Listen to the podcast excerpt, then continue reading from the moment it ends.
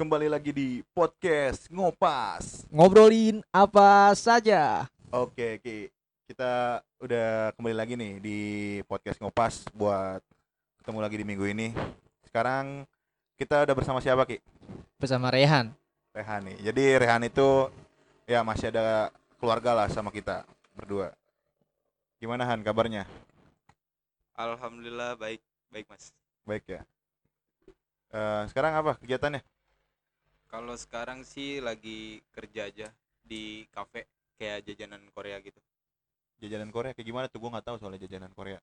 Jajanan Korea itu kayak cemil-cemilan orang-orang ini apa opa-opa, Opa-opa ya kayak corn dog gitu kan, topoki, raboki, Topoki. iya.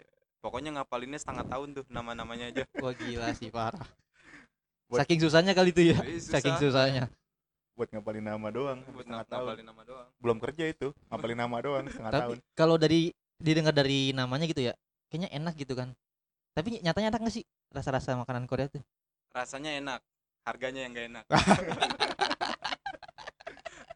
Ada tuh gue tahu tuh salah satunya kimcil kalau nggak salah ya. Oh kimchi. Kimcil ya. Hah? Jablay Iya, dong. kimcil. Kimcil apa? Jablay dong. Apa tuh yang da- daun-daun tuh daun kol yang difermentasi tuh? Aduh nggak ada, nggak ada sih di situ.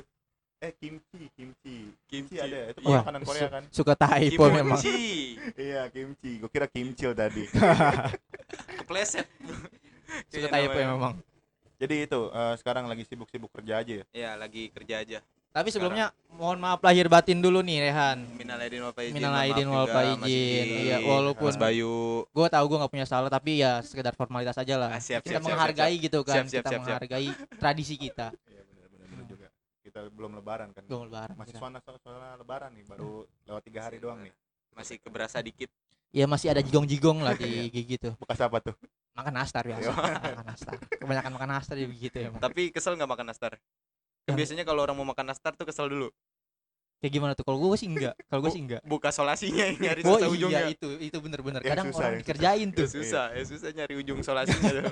Ada kemarin gue nemu bukan disolasi, dipaku sama dia. Kayaknya emang gak boleh diminta tuh nastar. Mau Untung- makan nastar aja dipersulit. Untung nggak digembok ya. Tuh toples untung nggak digembok lebih PR lagi sih. Bener-bener. Jadi eh sekarang kan lagi sibuk kerja nih. Hmm. Dengan keadaan gini ngaruh gak sih ke kerjaan lo? Sebenarnya ngaruh sih. Ngaruh 70% karena 10%.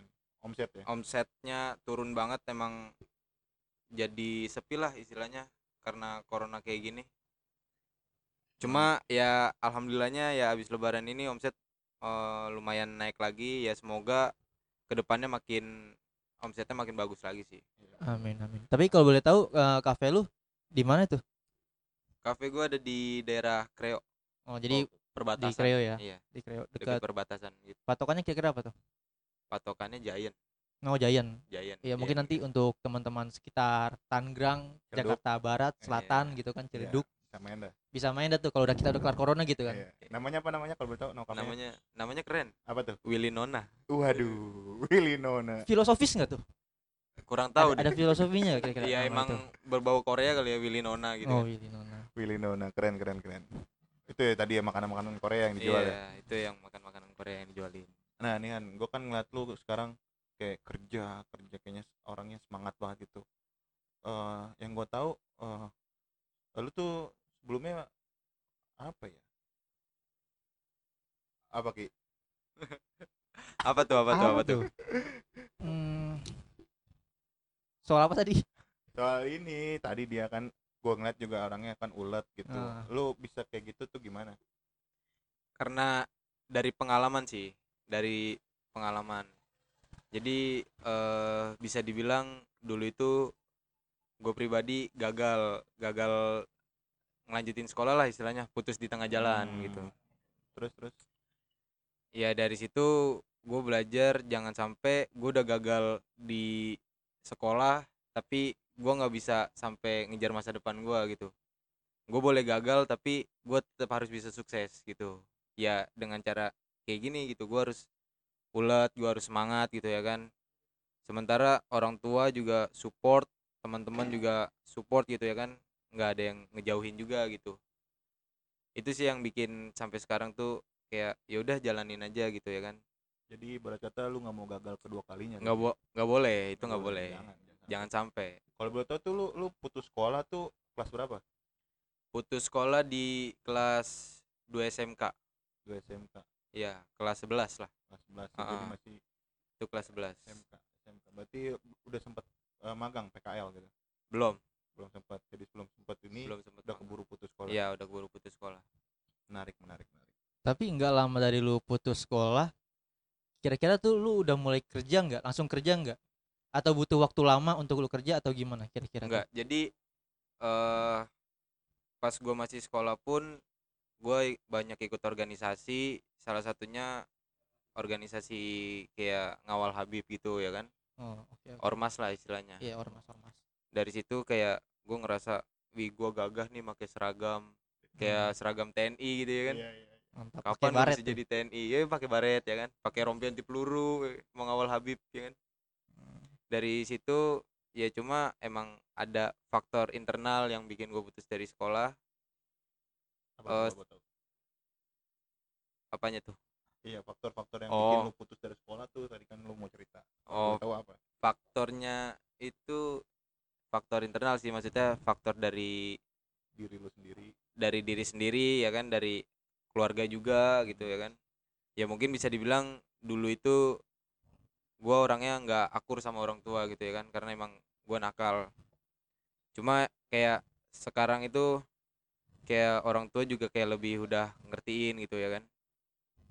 Kenapa gue bisa putus itu ya gua udah waktu itu bener-bener jatuh udah gua nggak tahu harus ngapain kayak udah nggak punya semangat hidup. Cuma kembali lagi berpikir kayak ya udah gue boleh gagal di sini tapi gua nggak boleh gagal di masa depan gua gitu di dunia kerja yang sekarang di dunia kerja yang sekarang gitu. Gue dulu putus sekolah selang sebulan gue dijemput sama nyokap. Balik ke rumah nenek ya kan. Selang dua hari itu gue langsung dapat kerjaan jadi security. Oh, pasca lu putus sekolah itu berarti lu sempat minggat dari rumah ya? sempet. Gue kabur ke kebayoran dulu ke rumah kakek. Hmm. Tapi kalau boleh tahu nih ya, kalau nggak dia juga nggak apa-apa sih. Untuk putus sekolah itu kemauan sendiri atau gimana? itu udah keputusan sendiri. Aku putus sendiri. jadi orang tua sebelumnya nggak tahu tuh lu pengen oh gue pengen berhenti nih. Lu belum belum sempat ngomong ngomong ke orang tua. Enggak gue belum sempat ngomong. Jadi emang waktu itu udah benar-benar jatuh udah gue udah ambil benar-benar langsung ambil keputusan gue udah berhenti sekolah. Bahkan sampai gue yang wa guru gue sendiri gitu ya kan bahwa pak saya ngundurin diri dari sekolah gitu. Saya udah nggak bisa ngelanjutin sekolah lagi. Sampai segitunya ya ibaratnya? Ya karena ya kita udah istilahnya udah capek lah apalagi kita punya masalah sama orang tua gitu ya kan Ah, yang istilahnya yang harusnya jadi pacuan buat semangat kita benar. sekolah gitu ya kan malah jadi down kitanya gitu Ta- tapi gue mau tahu nih, sebelum lu memutuskan untuk lu sekolah, lu putus sekolah ya, Hmm. itu karena lu ngikutin emosi emosi lu atau sebelumnya lu udah pernah curhat nih? Maksudnya keputusan lu itu lu ambil karena lu udah menerima saran-saran dari orang.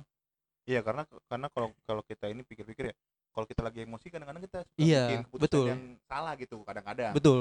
apalagi lagi emosi meluap-luap jiwa muda gitu Hmm. kalau ada masalah ah udahlah gue cabut aja nih keputusan itu spontan Uhuy. Oh berarti uhuy. spontan uhuy. Ikutan uhuy. Enggak, enggak, sorry, sorry, sorry, sorry. jadi eh Uhuy dong. gue udah mutusin cabut dari sekolah itu pas gue lari ke rumah kakek dan hari itu juga detik itu juga gue langsung wa guru-guru gue wa teman-teman gue bahwa gue udah mundurin diri dari sekolah gitu. Gue udah nggak mau ngelanjutin sekolah. Berarti sebelum lu memutuskan lu untuk putus sekolah, lu nggak cerita ke siapa-siapa ya? nggak cerita ke siapa-siapa. Ba- bahkan kakek lu juga nggak tahu tuh? Bahkan kakek gue juga nggak tahu. Oh, jadi itu emang keputusan emang keputusan lu sendiri gitu. diri sendiri gitu tapi kalau pribadi. kalau boleh kita lihat lebih jauh lu kan SMK tadi ya lu bilang. Mm. jurusan apa? Jurusan otomotif nah itu lu lu masuk ke SMK jurusan otomotif itu emang kemauan lu sendiri atau emang dari ada paksaan dari orang tua? Kalau dibilang masuk oto- otomotif itu sebenarnya kayak karena awalnya kemauan sendiri gitu. Kemauan sendiri tapi ngelihat dari bokap. Bokap kerjakan di Astra gitu ya Oh. kan. Dia pintar benerin mobil apa segala macem. Kayak dalam diri tuh kayak pengen gitu. Oh. pengen pengen bisa juga gitu ya kan dan awalnya tuh gue berpikir kalau gue masuk otomotif gue bisa lebih deket sama bokap gue gitu ya kan. Deketnya ya pasti ilmu-ilmu yang udah dia tahu bakal diajarin ke gue ya. Cuma ya prediksi gue salah gitu karena mungkin waktu itu gue sering cekcok sama dia jadi ya udah gue jadi ambak-ambakan di SMK itu masa SMK itu jadi emang awalnya lu niatnya udah baik banget tuh. Lu pengen ibaratnya ngebahagiain orang tua lu nih. Betul betul. Orang orang tua lu ibaratnya kerja di dunia otomotif Ya, dan lu betul. pengen tuh kayak dia. Jadi baca jadi stereotip lu lah buat buat ngelakuin sesuatu. Betul betul. Bahkan dulu gue sampai ditawarin masuk 12 eh, masuk SMA negeri gitu ya kan Heeh. tanpa tes. Cuma Heeh. gue milih di situ yang Heeh. istilahnya tesnya banyak gitu ya kan ribet. Bahkan harus pindah apa sih bikin surat keterangan pindah kota Ah. gitu ya kan dari Tangerang ke Tangerang Selatan. Oh. Itu karena emang awalnya pengen lebih deket sama bokap gitu ya kan. Karena kan gua cekcok terus kan sama bokap. Siapa Hmm. tahu gua ngambil jurusan otomotif yang istilahnya sama kayak dia gitu ya kan keahlian dia. Iya. gue bisa lebih deket karena dia sering sharing ke gua. Cuma ya prediksi gue salah gitu. Berarti sebelum sebelumnya dari lu mulai eh sebelum masuk SMK pun lu udah sering eh, berantem gitu ya ibaratnya gue udah sering cekcok sama bokap dari SMP jadi Eh, tapi kalau boleh gua tanya nih ya. Perihal apa sih yang lu buat cekcok itu? nah itu juga yang jadi bikin gue penasaran apa sih emang ke permasalahan anak Ah, SMP gitu kan Iya. sama orang tua tuh apa jadi dia selalu pengen kalau gue itu harus jadi dirinya gitu Oh. sedangkan gue pun orang yang eh, senang bergaul gue senang bergaul sama teman-teman gue keluar tapi dia kayak coba selalu- membatasi. eh, selalu membatasi gue dan sebenarnya nggak salah sih maksudnya membatasi itu nggak salah gitu Ah. cuma yang jadi permasalahan itu ya kayak gua harus banget jadi dia gitu sedangkan kita punya prinsip masing-masing gitu ya kan kita Iya. punya tujuan masing-masing dan mungkin eh caranya juga terlalu keras ke gua gitu Hmm. sampai ya gua semakin lama ya semakin berontak dari itu semua. Karena gua nggak bisa diem terus-terusan di rumah bergelut dengan buku apa segala macem.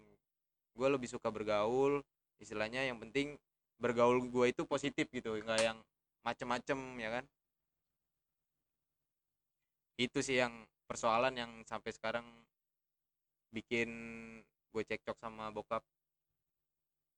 Ya jadi eh, emang biasa sih kadang-kadang orang tua tuh eh, apa ya terlalu memaksakan kita buat jadi dirinya padahal kita walaupun anaknya gitu ya sebenarnya kita punya prinsip masing-masing punya pemikiran masing-masing punya cita masing-masing yang mungkin nggak sama kayak dia Hmm, betul betul. nggak bisa dipaksakan juga kalau ini menurut pandang sudut pandang seorang anak ya gitu terhadap eh, orang tua mungkin Tapi kan Bayu juga udah jadi seorang ayah nih. Coba bisa nggak ayah dikeluarkan apa? gitu sudut pandang penilaian ya tanggapan dari seorang ayah lah.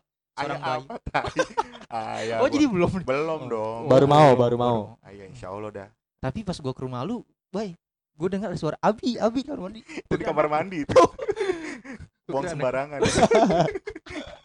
Abi anaknya nelor di, di WC jadinya manggilnya sopan sejak dini ya. Iya. Sejak masih sperma. Nah, sopan dia. emang lu brengsek itu Ya, menyambung yang tadi nih ya. Eh, Hmm, hmm. Untuk lu hari ini gitu ya, diri lu yang hari ini ada nggak sih rasa penyesalan gitu apa yang udah lu putuskan? Sebenarnya gini, kalau dibilang nyesel tuh dulu emang nyesel banget ya. Nyeselnya ya abis gua ambil keputusan itu serang berapa minggu, aduh gue nyesel nih, Hmm. gua harus putus sekolah gitu. Tapi setelah gua tahu eh, dan gua selalu belajar dari apa yang udah jadi kesalahan gua, jadi kayak sekarang lebih bersyukur gitu. Bersyukurnya dalam arti gini, eh gua gagal sekolah, tapi gua masih bisa ngebanggain orang tua gua dan gua nggak bikin malu mereka gitu. Kayak gua gagal sekolah nggak jadi berandalan ya kan, nggak jadi anak-anak pang atau anak-anak cam-caman gitu ya kan. anak caman apa tuh kalau boleh tahu Ah, itu yang suka ke mana-mana bawa kentrung. iya itu anak cam-caman banget tuh. anak caman ya jadi eh, seenggaknya lu bisa ngebahagiain orang tua dengan cara yang lain gitu Iya betul. Dengan cara yang lain. Karena sukses itu nggak tergantung dengan apa yang udah kita eh, dengan apa nilai sekolah kita sih. Maksudnya dari hasil nilai sekolah kita. Iya, betul betul. sukses itu dari niat kita dari kerja keras kita sendiri gitu. Emang Dan- kadang eh, apa apa dan sekarang tuh ya kayak udah eh, orang tua juga udah mulai ngasih semangat terutama nyokap ya kan. Nyokap selalu ngerangkul gua dan dia selalu support apa pun yang gua lakuin gitu. Selagi itu jalannya positif gitu. Setelah gua putus dari sekolah gua langsung jadi security gua nggak nganggur ya kan jadi security satu setengah tahun. Sampai gua ditawarin jadi HRD di Bandung dulu.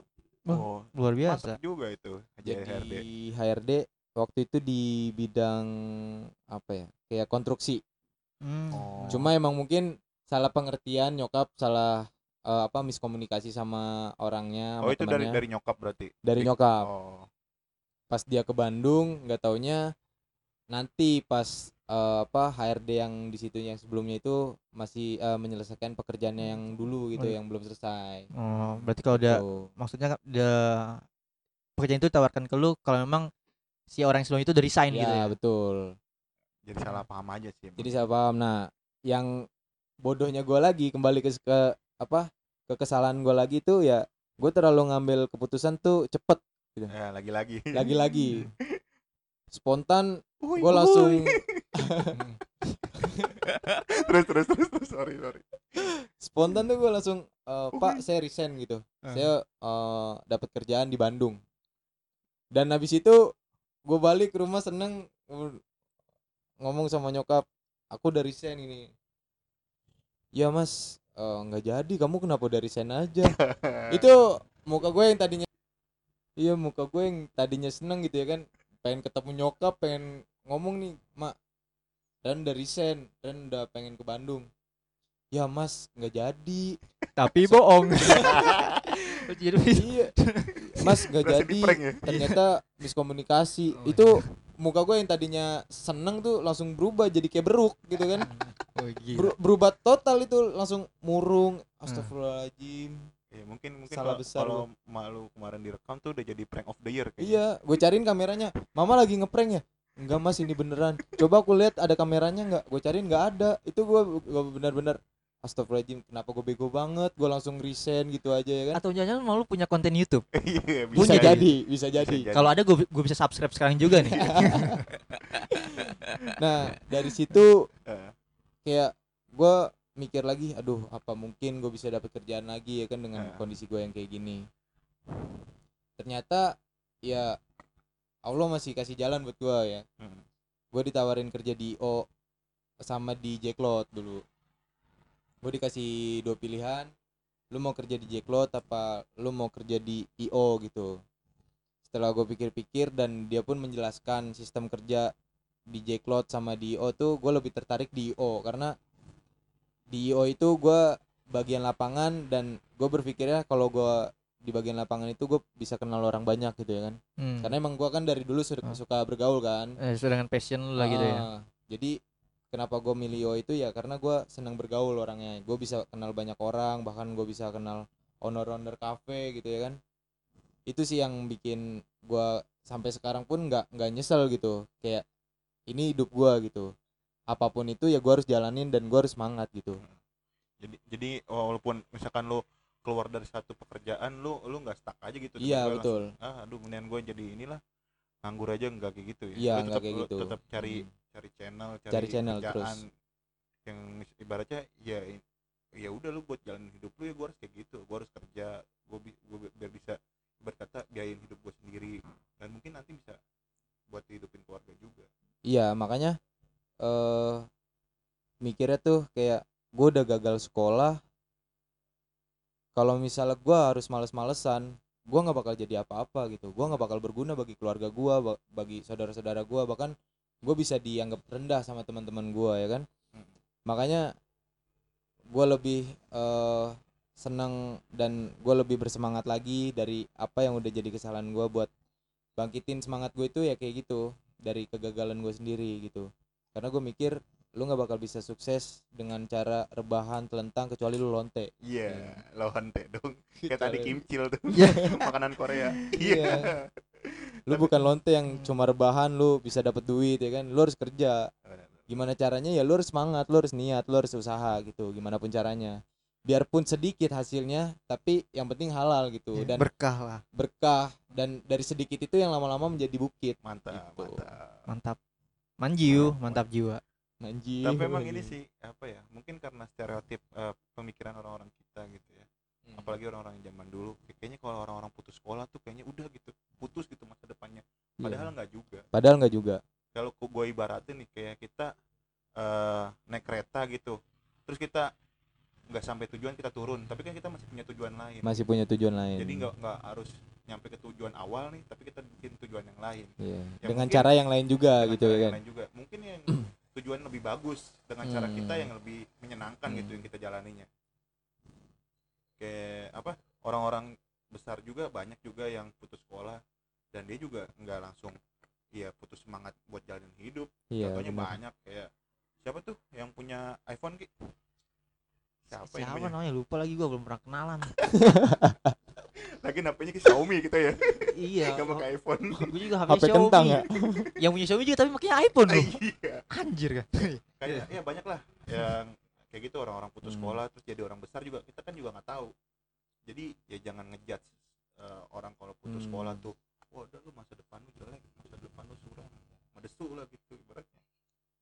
Karena orang-orang yang gagal itu yang apa istilahnya dari kegagalan itu ya dia bisa harus bisa lebih semangat gitu. Dia harus bisa buktiin kalau ya gue bisa sukses dengan cara gue sendiri walaupun gue gagal gitu. Ah, emang banyak gitu ya contohnya kayak eh, apa orang-orang yang putus sekolah juga dia punya malah justru punya usaha dan usahanya itu naik sekarang ya kan.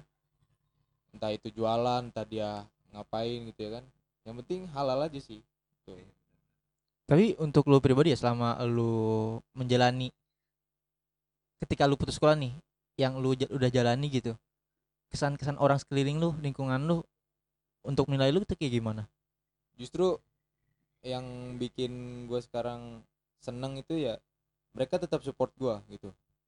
Mereka tetap support gua dan satupun dari teman-teman dulu gua SMK ataupun orang-orang sekeliling gue itu nggak ada yang ngejauhin gua justru dia malah ngerangkul gua. Makanya gua bisa semangat ya karena mereka mereka juga gitu tapi ini ke perasaan kesan orang tua lu tuh pas lu tiba-tiba putus sekolah tuh kan tadi kan lu ngomongin teman-teman ngedukung apa. Kalau orang dari orang tua sendiri tuh perasaannya gimana sih kalau yang lu lihat gitu? Ya kalau orang tua sih pasti sedih awalnya gitu. awalnya pasti sedih kecewa. Dan kayak eh, mungkin orang tua mikirnya harapan gue satu-satunya mati gitu ya kan apalagi gue anak pertama. Cuma ya kembali lagi gue bilang sama orang tua gue gue bakal buktiin kalau gue bisa sukses dengan cara gue sendiri gitu. Gue mau ngebahagian lu entah caranya apa pun itu yang pasti itu halal dan gue nggak bakal buat malu keluarga gue lagi gitu ya kan. Dan sampai sekarang akhirnya orang tua gue support terutama nyokap sih. I love you banget sama nyokap. Jadi buat nyokapnya Rehan sebenarnya Rehan ini sayang banget sama tante. Kasih kasih ini sedih nggak nih. Backsound sedih nggak nih. Entar dedit dulu. Eh dede dulu. Ya. Ada gitu tapi kan eh, tadi sebelumnya lu bilang hubungan lu sempet kurang akur lah sama bokap ya. Waktu Hmm. itu waktu itu ya Iya, waktu itu. benar. dan setelah lu memutuskan untuk lu putus sekolah dan lu menjalani semua kesibukan lu hari ini lu udah gawe lu ya paling enggak lu bisa mandiri lah. Hubungan lu sekarang sama bokap lu kayak gimana kalau sekarang hubungan sama bokap sih sebenarnya emang bokap itu orangnya keras ya dari dulu Eh, bahkan sampai nyokap pun nggak bisa ngerubah sikap kerasnya dia itu jadi lebih lembut gitu ke anak-anaknya Hmm. entah ke istri-istrinya gitu istri-istrinya Ya, banyak istrinya nah Oh. istrinya banyak Tipe. ntar. kelebihan jadi kayak ya sekarang eh, lebih menghindar aja sih maksudnya ya alhamdulillahnya juga gua selalu dapat kerjaan yang ada mesnya gitu ya kan ada tempat gua buat tinggal gitu. Jadi kayak gua ya udah deh gue juga di rumah kayak eh, takutnya nanti cekcok lagi apa gimana jadi gua lebih mutusin buat tinggal di luar gitu. Gua pulang ke rumah ya paling cuma main sama adik gua ya kan sekedar silaturahmi sama bokap juga gitu. Komunikasi? Komunikasi sih alhamdulillah udah lumayan baik kalau untuk saat-saat ini ya. Cuma ya tetap kalau misalnya lagi ada angin apa gitu tiba-tiba wah! Keluar lagi tuh adatnya. Itu sih ya maksudnya ya gue sekarang kayak lebih menghindar gitu ya kan. Bukannya benci ya kayak gue lebih menghindar gitu. Karena gue nggak mau terus-terusan cekcok sama bokap. Gitu Hmm. sih. Berarti lu ma- masih ada kepengen buat hubungan ini lebih baik lagi masih masih. Suatu saat pasti bakal baik. Iya sih. Dan gue bakal buktiin Amin. itu. People change ya. Memories done. yo iya. Tapi gua eh, mau tanya juga nih. Pernah gak sih lu sama bokap lu deep talk gitu? Lu ngobrol yang konteksnya lu tuh iya jauh lebih dalam lah jauh lebih dalam gitu. Sama, sama bokap lu ya? Pernah nggak? gue pun pernah impian gue pun sampai sekarang itu gue pengen ngobrol sama bokap gue itu lepas istilahnya gue pengen bercanda bareng sama bokap gue ya kan gue pengen asik-asikan sama bokap gue karena sampai saat ini pun gue belum pernah ngerasain itu. Dan gue iri ketika gue main ke rumah temen gue ya kan?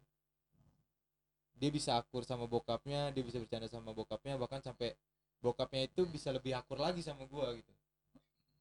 Gue iri gitu. Tapi ini lu nggak dapet di bokap lu dari bokap cuma lu. ya gua kenapa gua nggak bisa dapet gitu ya kan? Padahal anaknya sama ya kan sama-sama makan nasi sama-sama dilahirin ya kan? Gue juga dilahirin dalam perut ya kan? Gak dilepehin apa? Iya dilepehin. Udah kayak ingus. Nah kemerehan iya. Iya maksudnya Ah. ya gue pernah sekeos itu. Cuma ya kembali lagi ya mungkin ya emang udah sikap bokap kayak gitu ya gue nggak bisa maksain juga Iya, karena adatnya soalnya. karena yang bisa ngubah sikapnya dia itu ya dirinya dia sendiri gitu. Dan suatu saat nanti juga bakal berubah mungkin bukan sekarang tapi nanti dan itu pasti Tapi pernah nggak lu, memulai? Maksudnya iya iya eh kadang kan ini soal apa ya? Egonya, ego dari Iya. ma- dari kedua belah pihak. ego masing-masing ya Siapa tahu bokap lu juga pengen hal yang sama kayak lu, Eh, jadi jadi tapi nahan-nahan gitu nah kan. jadi kayak lu ngarepin bokap lu berubah tapi di satu sisi bokap lu juga pengen lu berubah jadi gimana ya ego masing-masing aja sih. Nah tadi yang dibilang Rizky lu pernah nggak maksudnya lu yang nurunin ego gitu terus buat coba ngobrol lebih dalam sama bokap lu? Udah udah udah gue coba. Sega apa pun caranya itu udah udah pernah gue coba ke bokap ya kan? Bahkan sampai waktu itu gue lagi berantem sama bokap juga. Gue sampai bilang kayak gini ke bokap coba papa turun gitu ya kan. Nih duduk di samping anak papa anak laki nah anak laki papa satu-satunya gitu ya kan. Peluk pak anak papa? Gue pengen lebih deket lagi sama lu. Pernah bokap sampai gue gituin ya kan? gue pengen lebih maksudnya ya gue terang-terangan gitu ya kan. Gue ngobrolin uh, gue keluarin semua anak-anak gue yang udah nggak ketahan gitu ya kan. Akhirnya dia duduk gitu ya kan dia duduk dia peluk gue ya kan. Cuma ya cuma hari itu aja gitu. Dia abis meluk gue ya udah besokannya ya kayak kembali ke sikap dia lagi gitu. Gue juga gak ngerti sih sebenarnya. Abstrak masih. Atau mungkin emang tipe tipe bokap lu tuh mungkin ya namanya juga orang zaman dulu kali ya. Iya. eh, masih ya perlu terus lah lu lu lu ajak ngobrol terus. Ya walaupun ibaratnya ngobrol-obrolan nggak penting kayak siapa penemu gagang pintu gitu pak? Siapa penemu gagang pintu? Kan bisa Ya umpamanya gitu. umpamanya gitu Umpamanya. nggak mungkin dong tiba-tiba kita nanya pak siapa nah penemu gagang ya, Anjir gak penting banget.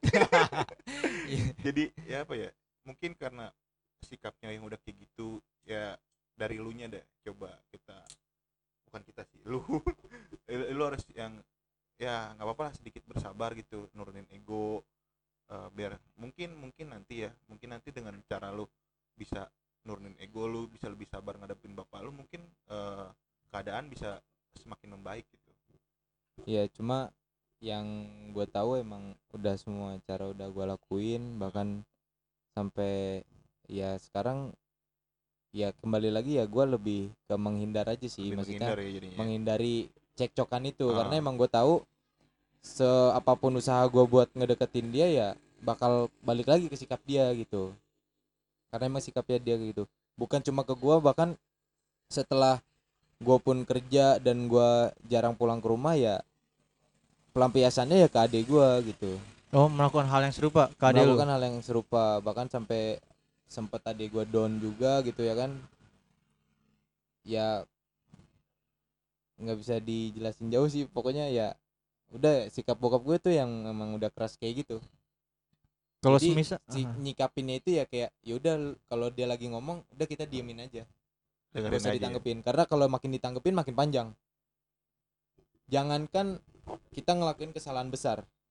Gue matiin gue kagak matiin kipas aja kipas kagak ada orangnya itu dia ngomelnya satu semester. Enam bulan. 6 bulan. iya. Bayangin Gitu, itu nggak bayangin matiin itu. nggak matiin kipas. Nggak Enam matiin bulan kipas ngomel-ngomel. doang. Nggak capek emang apalagi kita ngelakuin kesalahan yang besar. Dan setiap gua ngelakuin kesalahan ataupun apa itu pasti selalu diulang-ulang. Pasti selalu diungkit-ungkit. Itu makanya ya cara ngadepinnya orang kayak gitu ya kita yang menghindar gitu. Menghindar Hmm. bukan berarti kita mau eh, apa jauhin dia atau gimana kita menghindari cekcoknya gitu. Iya. tetap silaturahmi gitu. Ya bukan kan? karena lu nggak peduli bukan ya? karena nggak peduli gitu. Ma- ini malah jadi satu, salah satu bentuk kepedulian lu. Iya betul. Untuk hubungan yang maksudnya ya udah betul betul. ibaratnya udah udah udah terlanjur renggang gitu. Ya bi- biar nggak terlalu renggang lagi ya udah caranya kayak gitu. Kayak eh kemarin juga ya kan pas awal masuk bulan puasa nyokap nyuruh gua tinggal di rumah lagi kan. Maksudnya balik dah ke rumah ya kan. Lu kan buka kafe sore ya kan. Hmm. lu masih bisa tidur di rumah nanti siang baru berangkat. Cuma ya kayak kembali lagi bokap karena mungkin dia juga takut gitu ya kan. Apalagi kalau misalnya gua kerja kan otomatis gua bolak-balik dari luar ke rumah luar ke rumah kan. Hmm. banyak ketemu orang juga. Jadi dia kayak takut gitu dan Oh, ini soal Covid nih. Corona atau apa yang kemarin. Oh. Oh, masalah corona pas virus. puasa gitu ya kan? Jadi kayak dia tuh nggak mau gue balik dulu gitu. Bahkan dia sampai bilang ya lu kalau misalnya udah gawe ya lagi di luar di luar aja gitu. Jangan ke rumah-rumah dulu sampai covid ini selesai. Hmm. gitu ya kan? Kalau lu emang mau eh, mau bolak-balik ke rumah lu habis pulang lu mandi lu cuci baju lu segala macam. Dan gua kayak kembali eh, gua mikirnya kayak apaan sih nih? Gua kan anak lu ya kan ya maksudnya gue cuci gue juga tahu kali ya maksudnya gue keluar juga nggak mungkin gua salaman sama orang nggak pakai hand sanitizer apa apa segala macam gue selalu mematuhi apa yang udah jadi aturan pemerintah ya Iya. kan Yoi. Paham protokolnya paham lah. protokolnya lah ya jadi eh, kembali lagi ya gue langsung bilang sama nyokap ya udah aku nggak usah pulang di rumah aku juga bukanya di kafe aja sendiri gitu ya kan kasihan bokap gitu ya kan daripada nanti dia makin takut makin takut imunnya malah makin rendah gitu ya kan Iya. nanti yang tadinya dia nggak kena covid malah jadi kena ya mudah-mudahan jangan gitu ya kan Iya, amin. karena yang kena kena itu ya karena emang rasa takutnya dia sendiri gitu Hmm. imunnya jadi rendah gitu terus tadi apa ki yang lu mau ngomongin kita tadi kayaknya lu lu pengen nanya sesuatu tuh Jadi kalau semisal nih ya, Eh. kan tadi kata lu yang terkena dampaknya pun bukan lu gitu. Ada lu pun merasakan dampak ya betul diperlakukan hal yang serupa seperti lu lah gitu kan. ya betul, betul. Kalau nanti semisal nih, adik-adik lu mengambil keputusan yang sama kayak lu, tanggapan lu gimana? Sudah pak. Adik gua eh, tes eh, dia kan kuliah emang adik gue itu pinter ya selalu dapat ranking satu kan dari SMP SMA. Oh, sama kayak gua berarti. waduh Waduh. masa tuh Lu jadi sombong lu. SD juga nggak naik dua kali katanya diam diam diam diam malu ntar pada denger. lagu lu pakai ranking lu Lah, ranking lu dua dari belakang Justru ya adik gue memanfaatkan kepintarannya itu ya untuk dia kul- kuliah di luar-luar kota gitu. Dia kemarin tes di Malang, di Surabaya, sama satu lagi di Bandung kalau nggak salah. Hmm. Cuma ya emang sayangnya belum mungkin belum rezekinya dia jadi belum belum lulus gitu ya kan. Mungkin nanti eh, dia ngambilnya yang di UPJ yang di Bintaro cuma dia mau ngekos gitu terus bapak lu gimana tuh dengan tanggapan dia nggak nggak ibaratnya nggak lulus eh inilah tes gitu bapak lu marah-marah lagi atau kayak gimana kalau itu sih kayak belum eh, karena gue juga kan jarang di rumah dan Hmm. nggak tahu ceritanya juga hmm. cuma yang pasti eh, waktu itu ade down banget dan nyokap langsung nelpon gua nyuruh ngasih semangat ke adik gua Hmm. gitu doang ya akhirnya gua kasih semangat gue bilang ya lu lu pinter lu lu harus bisa memanfaatkan kepintaran lu dengan hal yang baik gitu ya kan bukan berarti lu nggak lulus lu nggak bakal bisa sukses lu bisa gitu ya kan asal lu mau usaha lu nggak boleh down kayak gini benar benar benar. tapi yang mau lu tanya nih kan tadi lu punya adik berapa? Dua dua dua. Lu punya adik dua. Yang Eh, ditambahin satu gak, gak gua kasih. Ya udah tua dong. Jangan jangan. Tiga anak cukup. Iya anak cukup. tiga. Eh dua apa dua? Tiga. Tiga. Ya, Ya, tiga lah. tiga, tiga. tiga. cukup lah tiga. Dispensasi. dispensasi. Dispensasi. Eh, jadi yang penanya eh, kan lu punya adik dua tadi tuh. Eh, a- ada nggak sih sifat dari orang tua lu yang mungkin yang bikin lu jadi berontak gitu dulunya ya dulunya lu, lu jadi berontak tuh ada nggak sih perilaku orang tua tuh yang, yang beda-bedain antara lu dengan adik-adik lu? Ada. contohnya? Eh, ya contohnya ya gue bego adik gue pinter gitu. Adik gue selalu dapat ranking kelas gue selalu dapat maki-makian di kelas. Gitu. Mungkin itu juga ya yang mempengaruhi mungkin sifat berontak lu itu ya. Iya betul.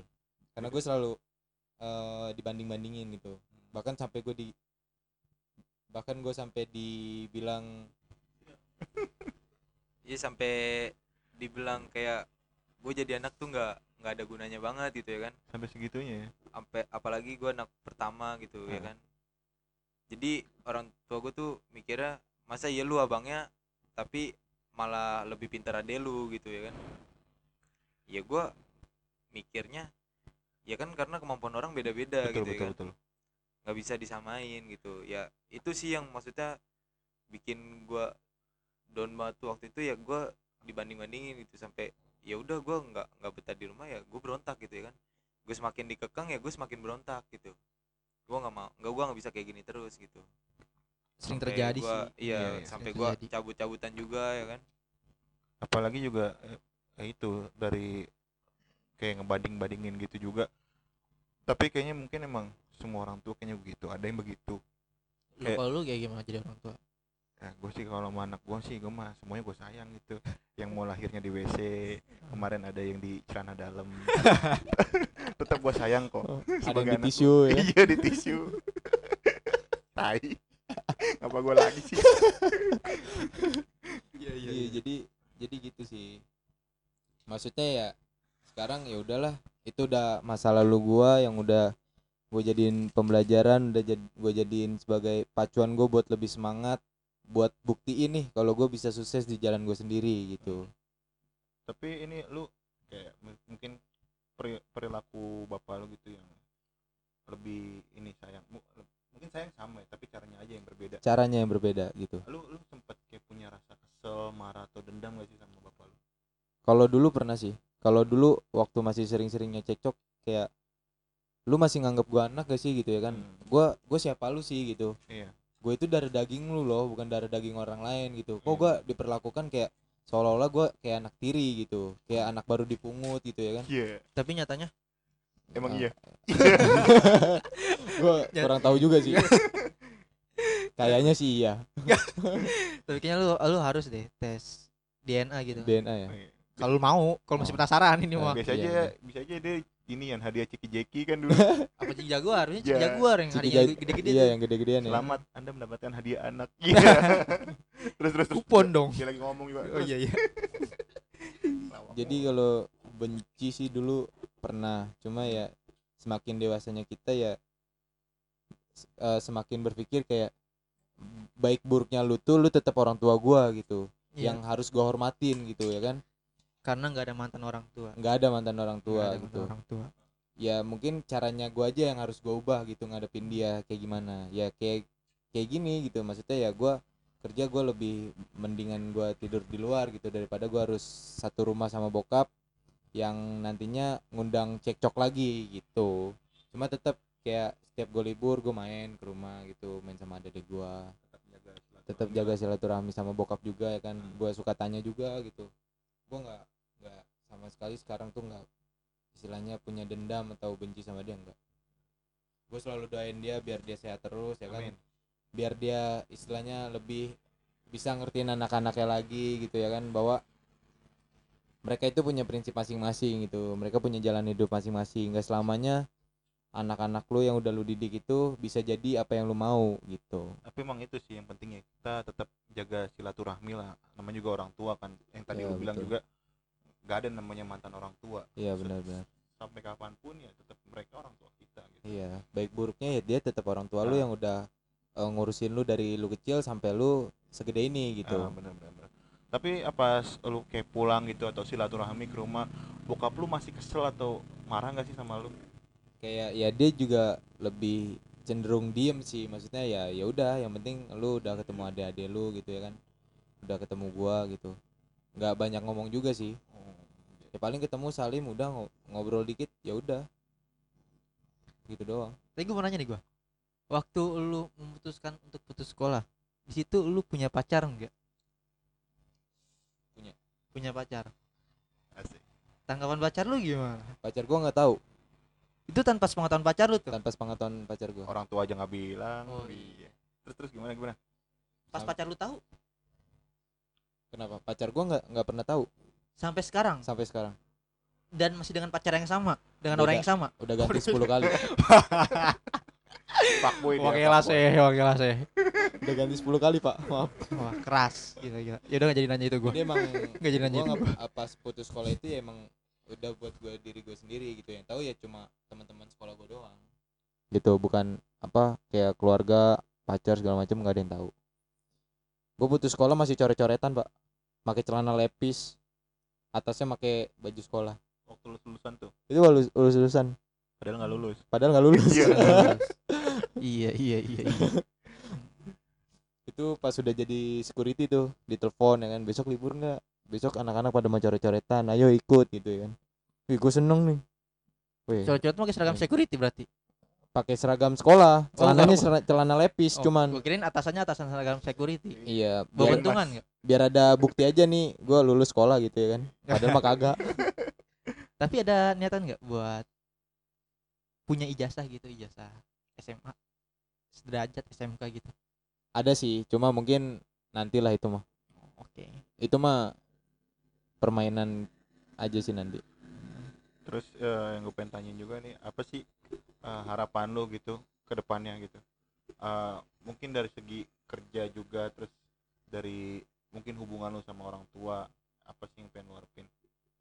Yang gue harapin sekarang ya gue harus fokus sama karir gue sendiri. Gue pengen sukses di jalan gue sendiri.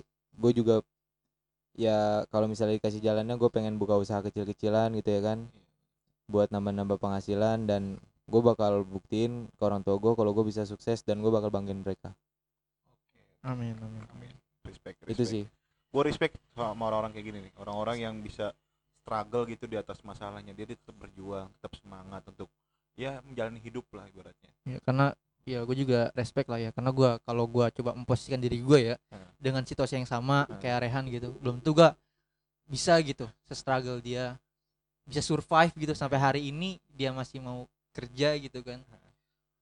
Dia nggak peduli apa pun yang dibilang orang image-image orang kayak gimana ke dia. Sumpah respect parah. Paling kalau gue nih gue di posisi dia paling gue jalan ke tengah rel nungguin kereta. Ngapain tuh ya naik kereta lah. Masa pengen ditubruk sayang gue pas pengen hidup belum nikah lagi. Tapi udah punya kali anak. ya. iya nyetok ya nyetopin kereta kayak nyetopin angkot. Gini. Kiri kiri Iya, gini. emang emang udah respect banget dah buat bang Rehan nih. Terus eh, ada nggak sih pesan-pesan lo nih buat para pendengar podcast ngopas nih? Pesan-pesan gua ada. Apa tuh? Jadi eh, lu jangan pernah takut buat gagal karena justru kegagalan lu itu yang harus lu jadiin semangat biar lu jadi semakin kuat gitu lu bisa jadi orang besar ya karena lu pernah gagal gitu. Lu belajar dari apa yang udah jadi kesalahan lu gitu. Dan lu sekecil apa pun pekerjaan lu serendah apa pun pekerjaan lu selagi itu halal ya lu jalanin aja gitu. Jangan pernah mikir lu dapat lu lagi eh, bingung cari kerjaan pas giliran dapat kerjaan lu mikir ah gajinya kecil lu jadi Pilih-pilih gitu males. ya. Lu jadi males. Selagi itu bisa jadi peluang buat lu ya ambil gitu. Karena kesempatan nggak datang dua kali. karena kesempatan gak datang dua kali. Itu Oh, aja dengerin, sih. oh. dengerin. Tuh para pendengar podcast ngopas lu jangan pada rebahan aja lu bisanya lu. Ah lu geblek lu. Dan Hmm. sekarang mau apa pun jurusan lu itu nggak bakal ngejamin lu bakal jadi apa yang udah lu pelajarin gitu. Misalnya kayak teman-teman gua gitu ya kan pada sekolah ngambil jurusan multimedia akuntansi yang ujung-ujungnya lulus SMK itu jadi koki jadi OB gitu karena ya nggak ada yang tahu gitu ke depannya itu lu bakal jadi apa nggak ada yang tahu gitu Hmm, berarti- sukses itu ada di tangan lu nggak ada gitu. jaminan Nggak ada ke depannya lu jaminan. bakal linear dengan apa yang pernah lu ambil gitu Iya betul. Misalnya lu multimedia nih, ngambil jurusan multi- multimedia, lu nggak bakal selamanya jadi editor mungkin ya kan, jadi apa? Eh IT ikut IT kerja di IT gitu nggak mungkin gitu, karena ada pasti ada perubahan gitu. benar benar benar dan gak jadi masalah juga Nggak jadi masalah juga. Kalau gitu. misalkan lo misalkan lo sekarang kuliah atau misalkan lo SMK gitu jurusan apa tapi terkerjanya malah apa gitu ya nggak apa-apa juga asal itu sesuai dengan passion dan kemauan lo biar lo ngejalanin kerjaan dan kehidupan lo juga lo semangat gitu betul betul. apalagi Ki yang mau tanya nih dari Bang Rehan nih sebelum dia tidur nih. Ya tidur. Kamu udah ngantuk pak? Ya Belum, anak sehat? Hah? anak sehat? Belum lahir baru bikin, oh baru ngisi ya? Eh, baru ngisi, baru nanem, nanem saham dulu. tapi lu pernah nggak lu dikasih suatu kerjaan tapi lu pikir-pikir gitu akhirnya lu tolak A- atau enggak gitu lu ambil aja? Pernah. oh pernah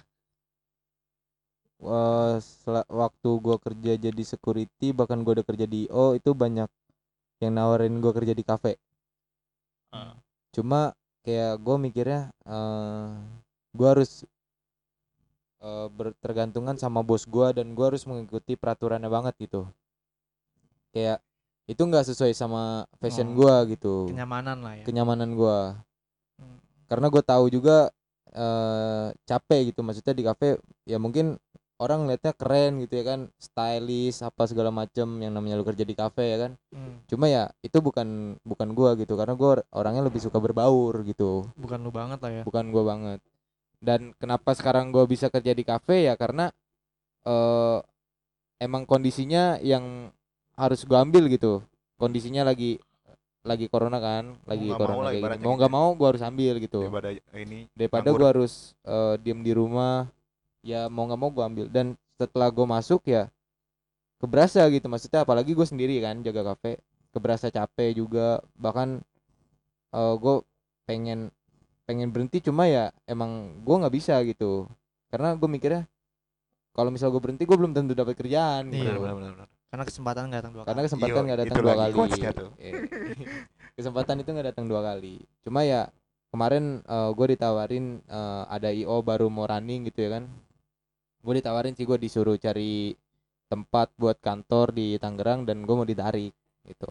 Cuma ya mungkin nanti nunggu benar-benar corona ini selesai insya Allah mudah-mudahan. Ya harapannya juga cepat kelar lah corona ya amin karena amin, amin. ini berdampak ke seluruh orang juga ya. Iya benar lu gua gua gua gua. Ya lu dulu. Paling berdampak sama gua pokoknya.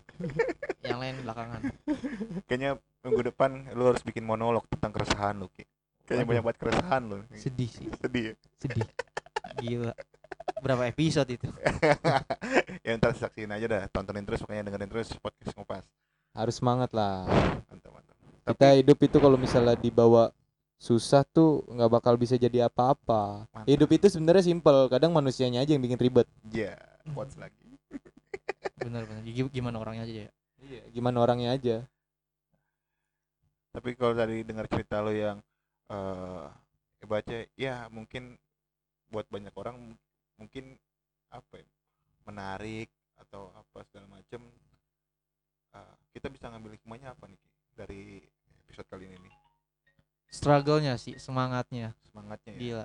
Itu perlu kita teladani sih. Artinya teladani? Iya. teladani. Su- tipe sorry sih tipe iya. Artinya belum tentu semua orang bisa gitu Ah, bahkan ada juga orang yang kayak gue nih Ah. gue tipe kalau orang yang ngambil pelajaran dulu dari orang kalau gue belum tahu ada orang yang bisa begitu eh, gue kurang optimis. Oh. Jadi karena ada Rehan gitu kan Rehan coba sharing dengan situasi dia seperti apa dengan usaha dia untuk survive gimana itu buat gue sebuah masukan gitu. Hmm. artinya apa yang dia bagikan ke gue dia share ke gue jadi stimulus buat gue iya. gitu. Iya untuk gue bisa kayak dia gitu. Dan harapan gue juga bagi para pendengar walaupun kalian belum pernah ada di situasi kayak gini gitu kan. Nah, jika suatu saat kalaupun gitu ya ya masalah kita nggak ada yang tahu lah ya. Iya benar. Kita nggak tahu masalah ke depannya kayak gimana. Tetap struggle lah pokoknya Iya. tetap survive. Cara lu ngadapin masalah lah. Eh, jangan Jadi jangan intinya tuh- keadaan. intinya tuh gini seberat apa pun masa lalu ya lu harus hadapin gitu. Bener. bukan malah lu menghindar gitu. Karena Allah pun gak bakal ngasih cobaan di luar batas kemampuan umatnya. Apa tuh ki hadisnya? Kan lu menghafal hadis. Apa tuh?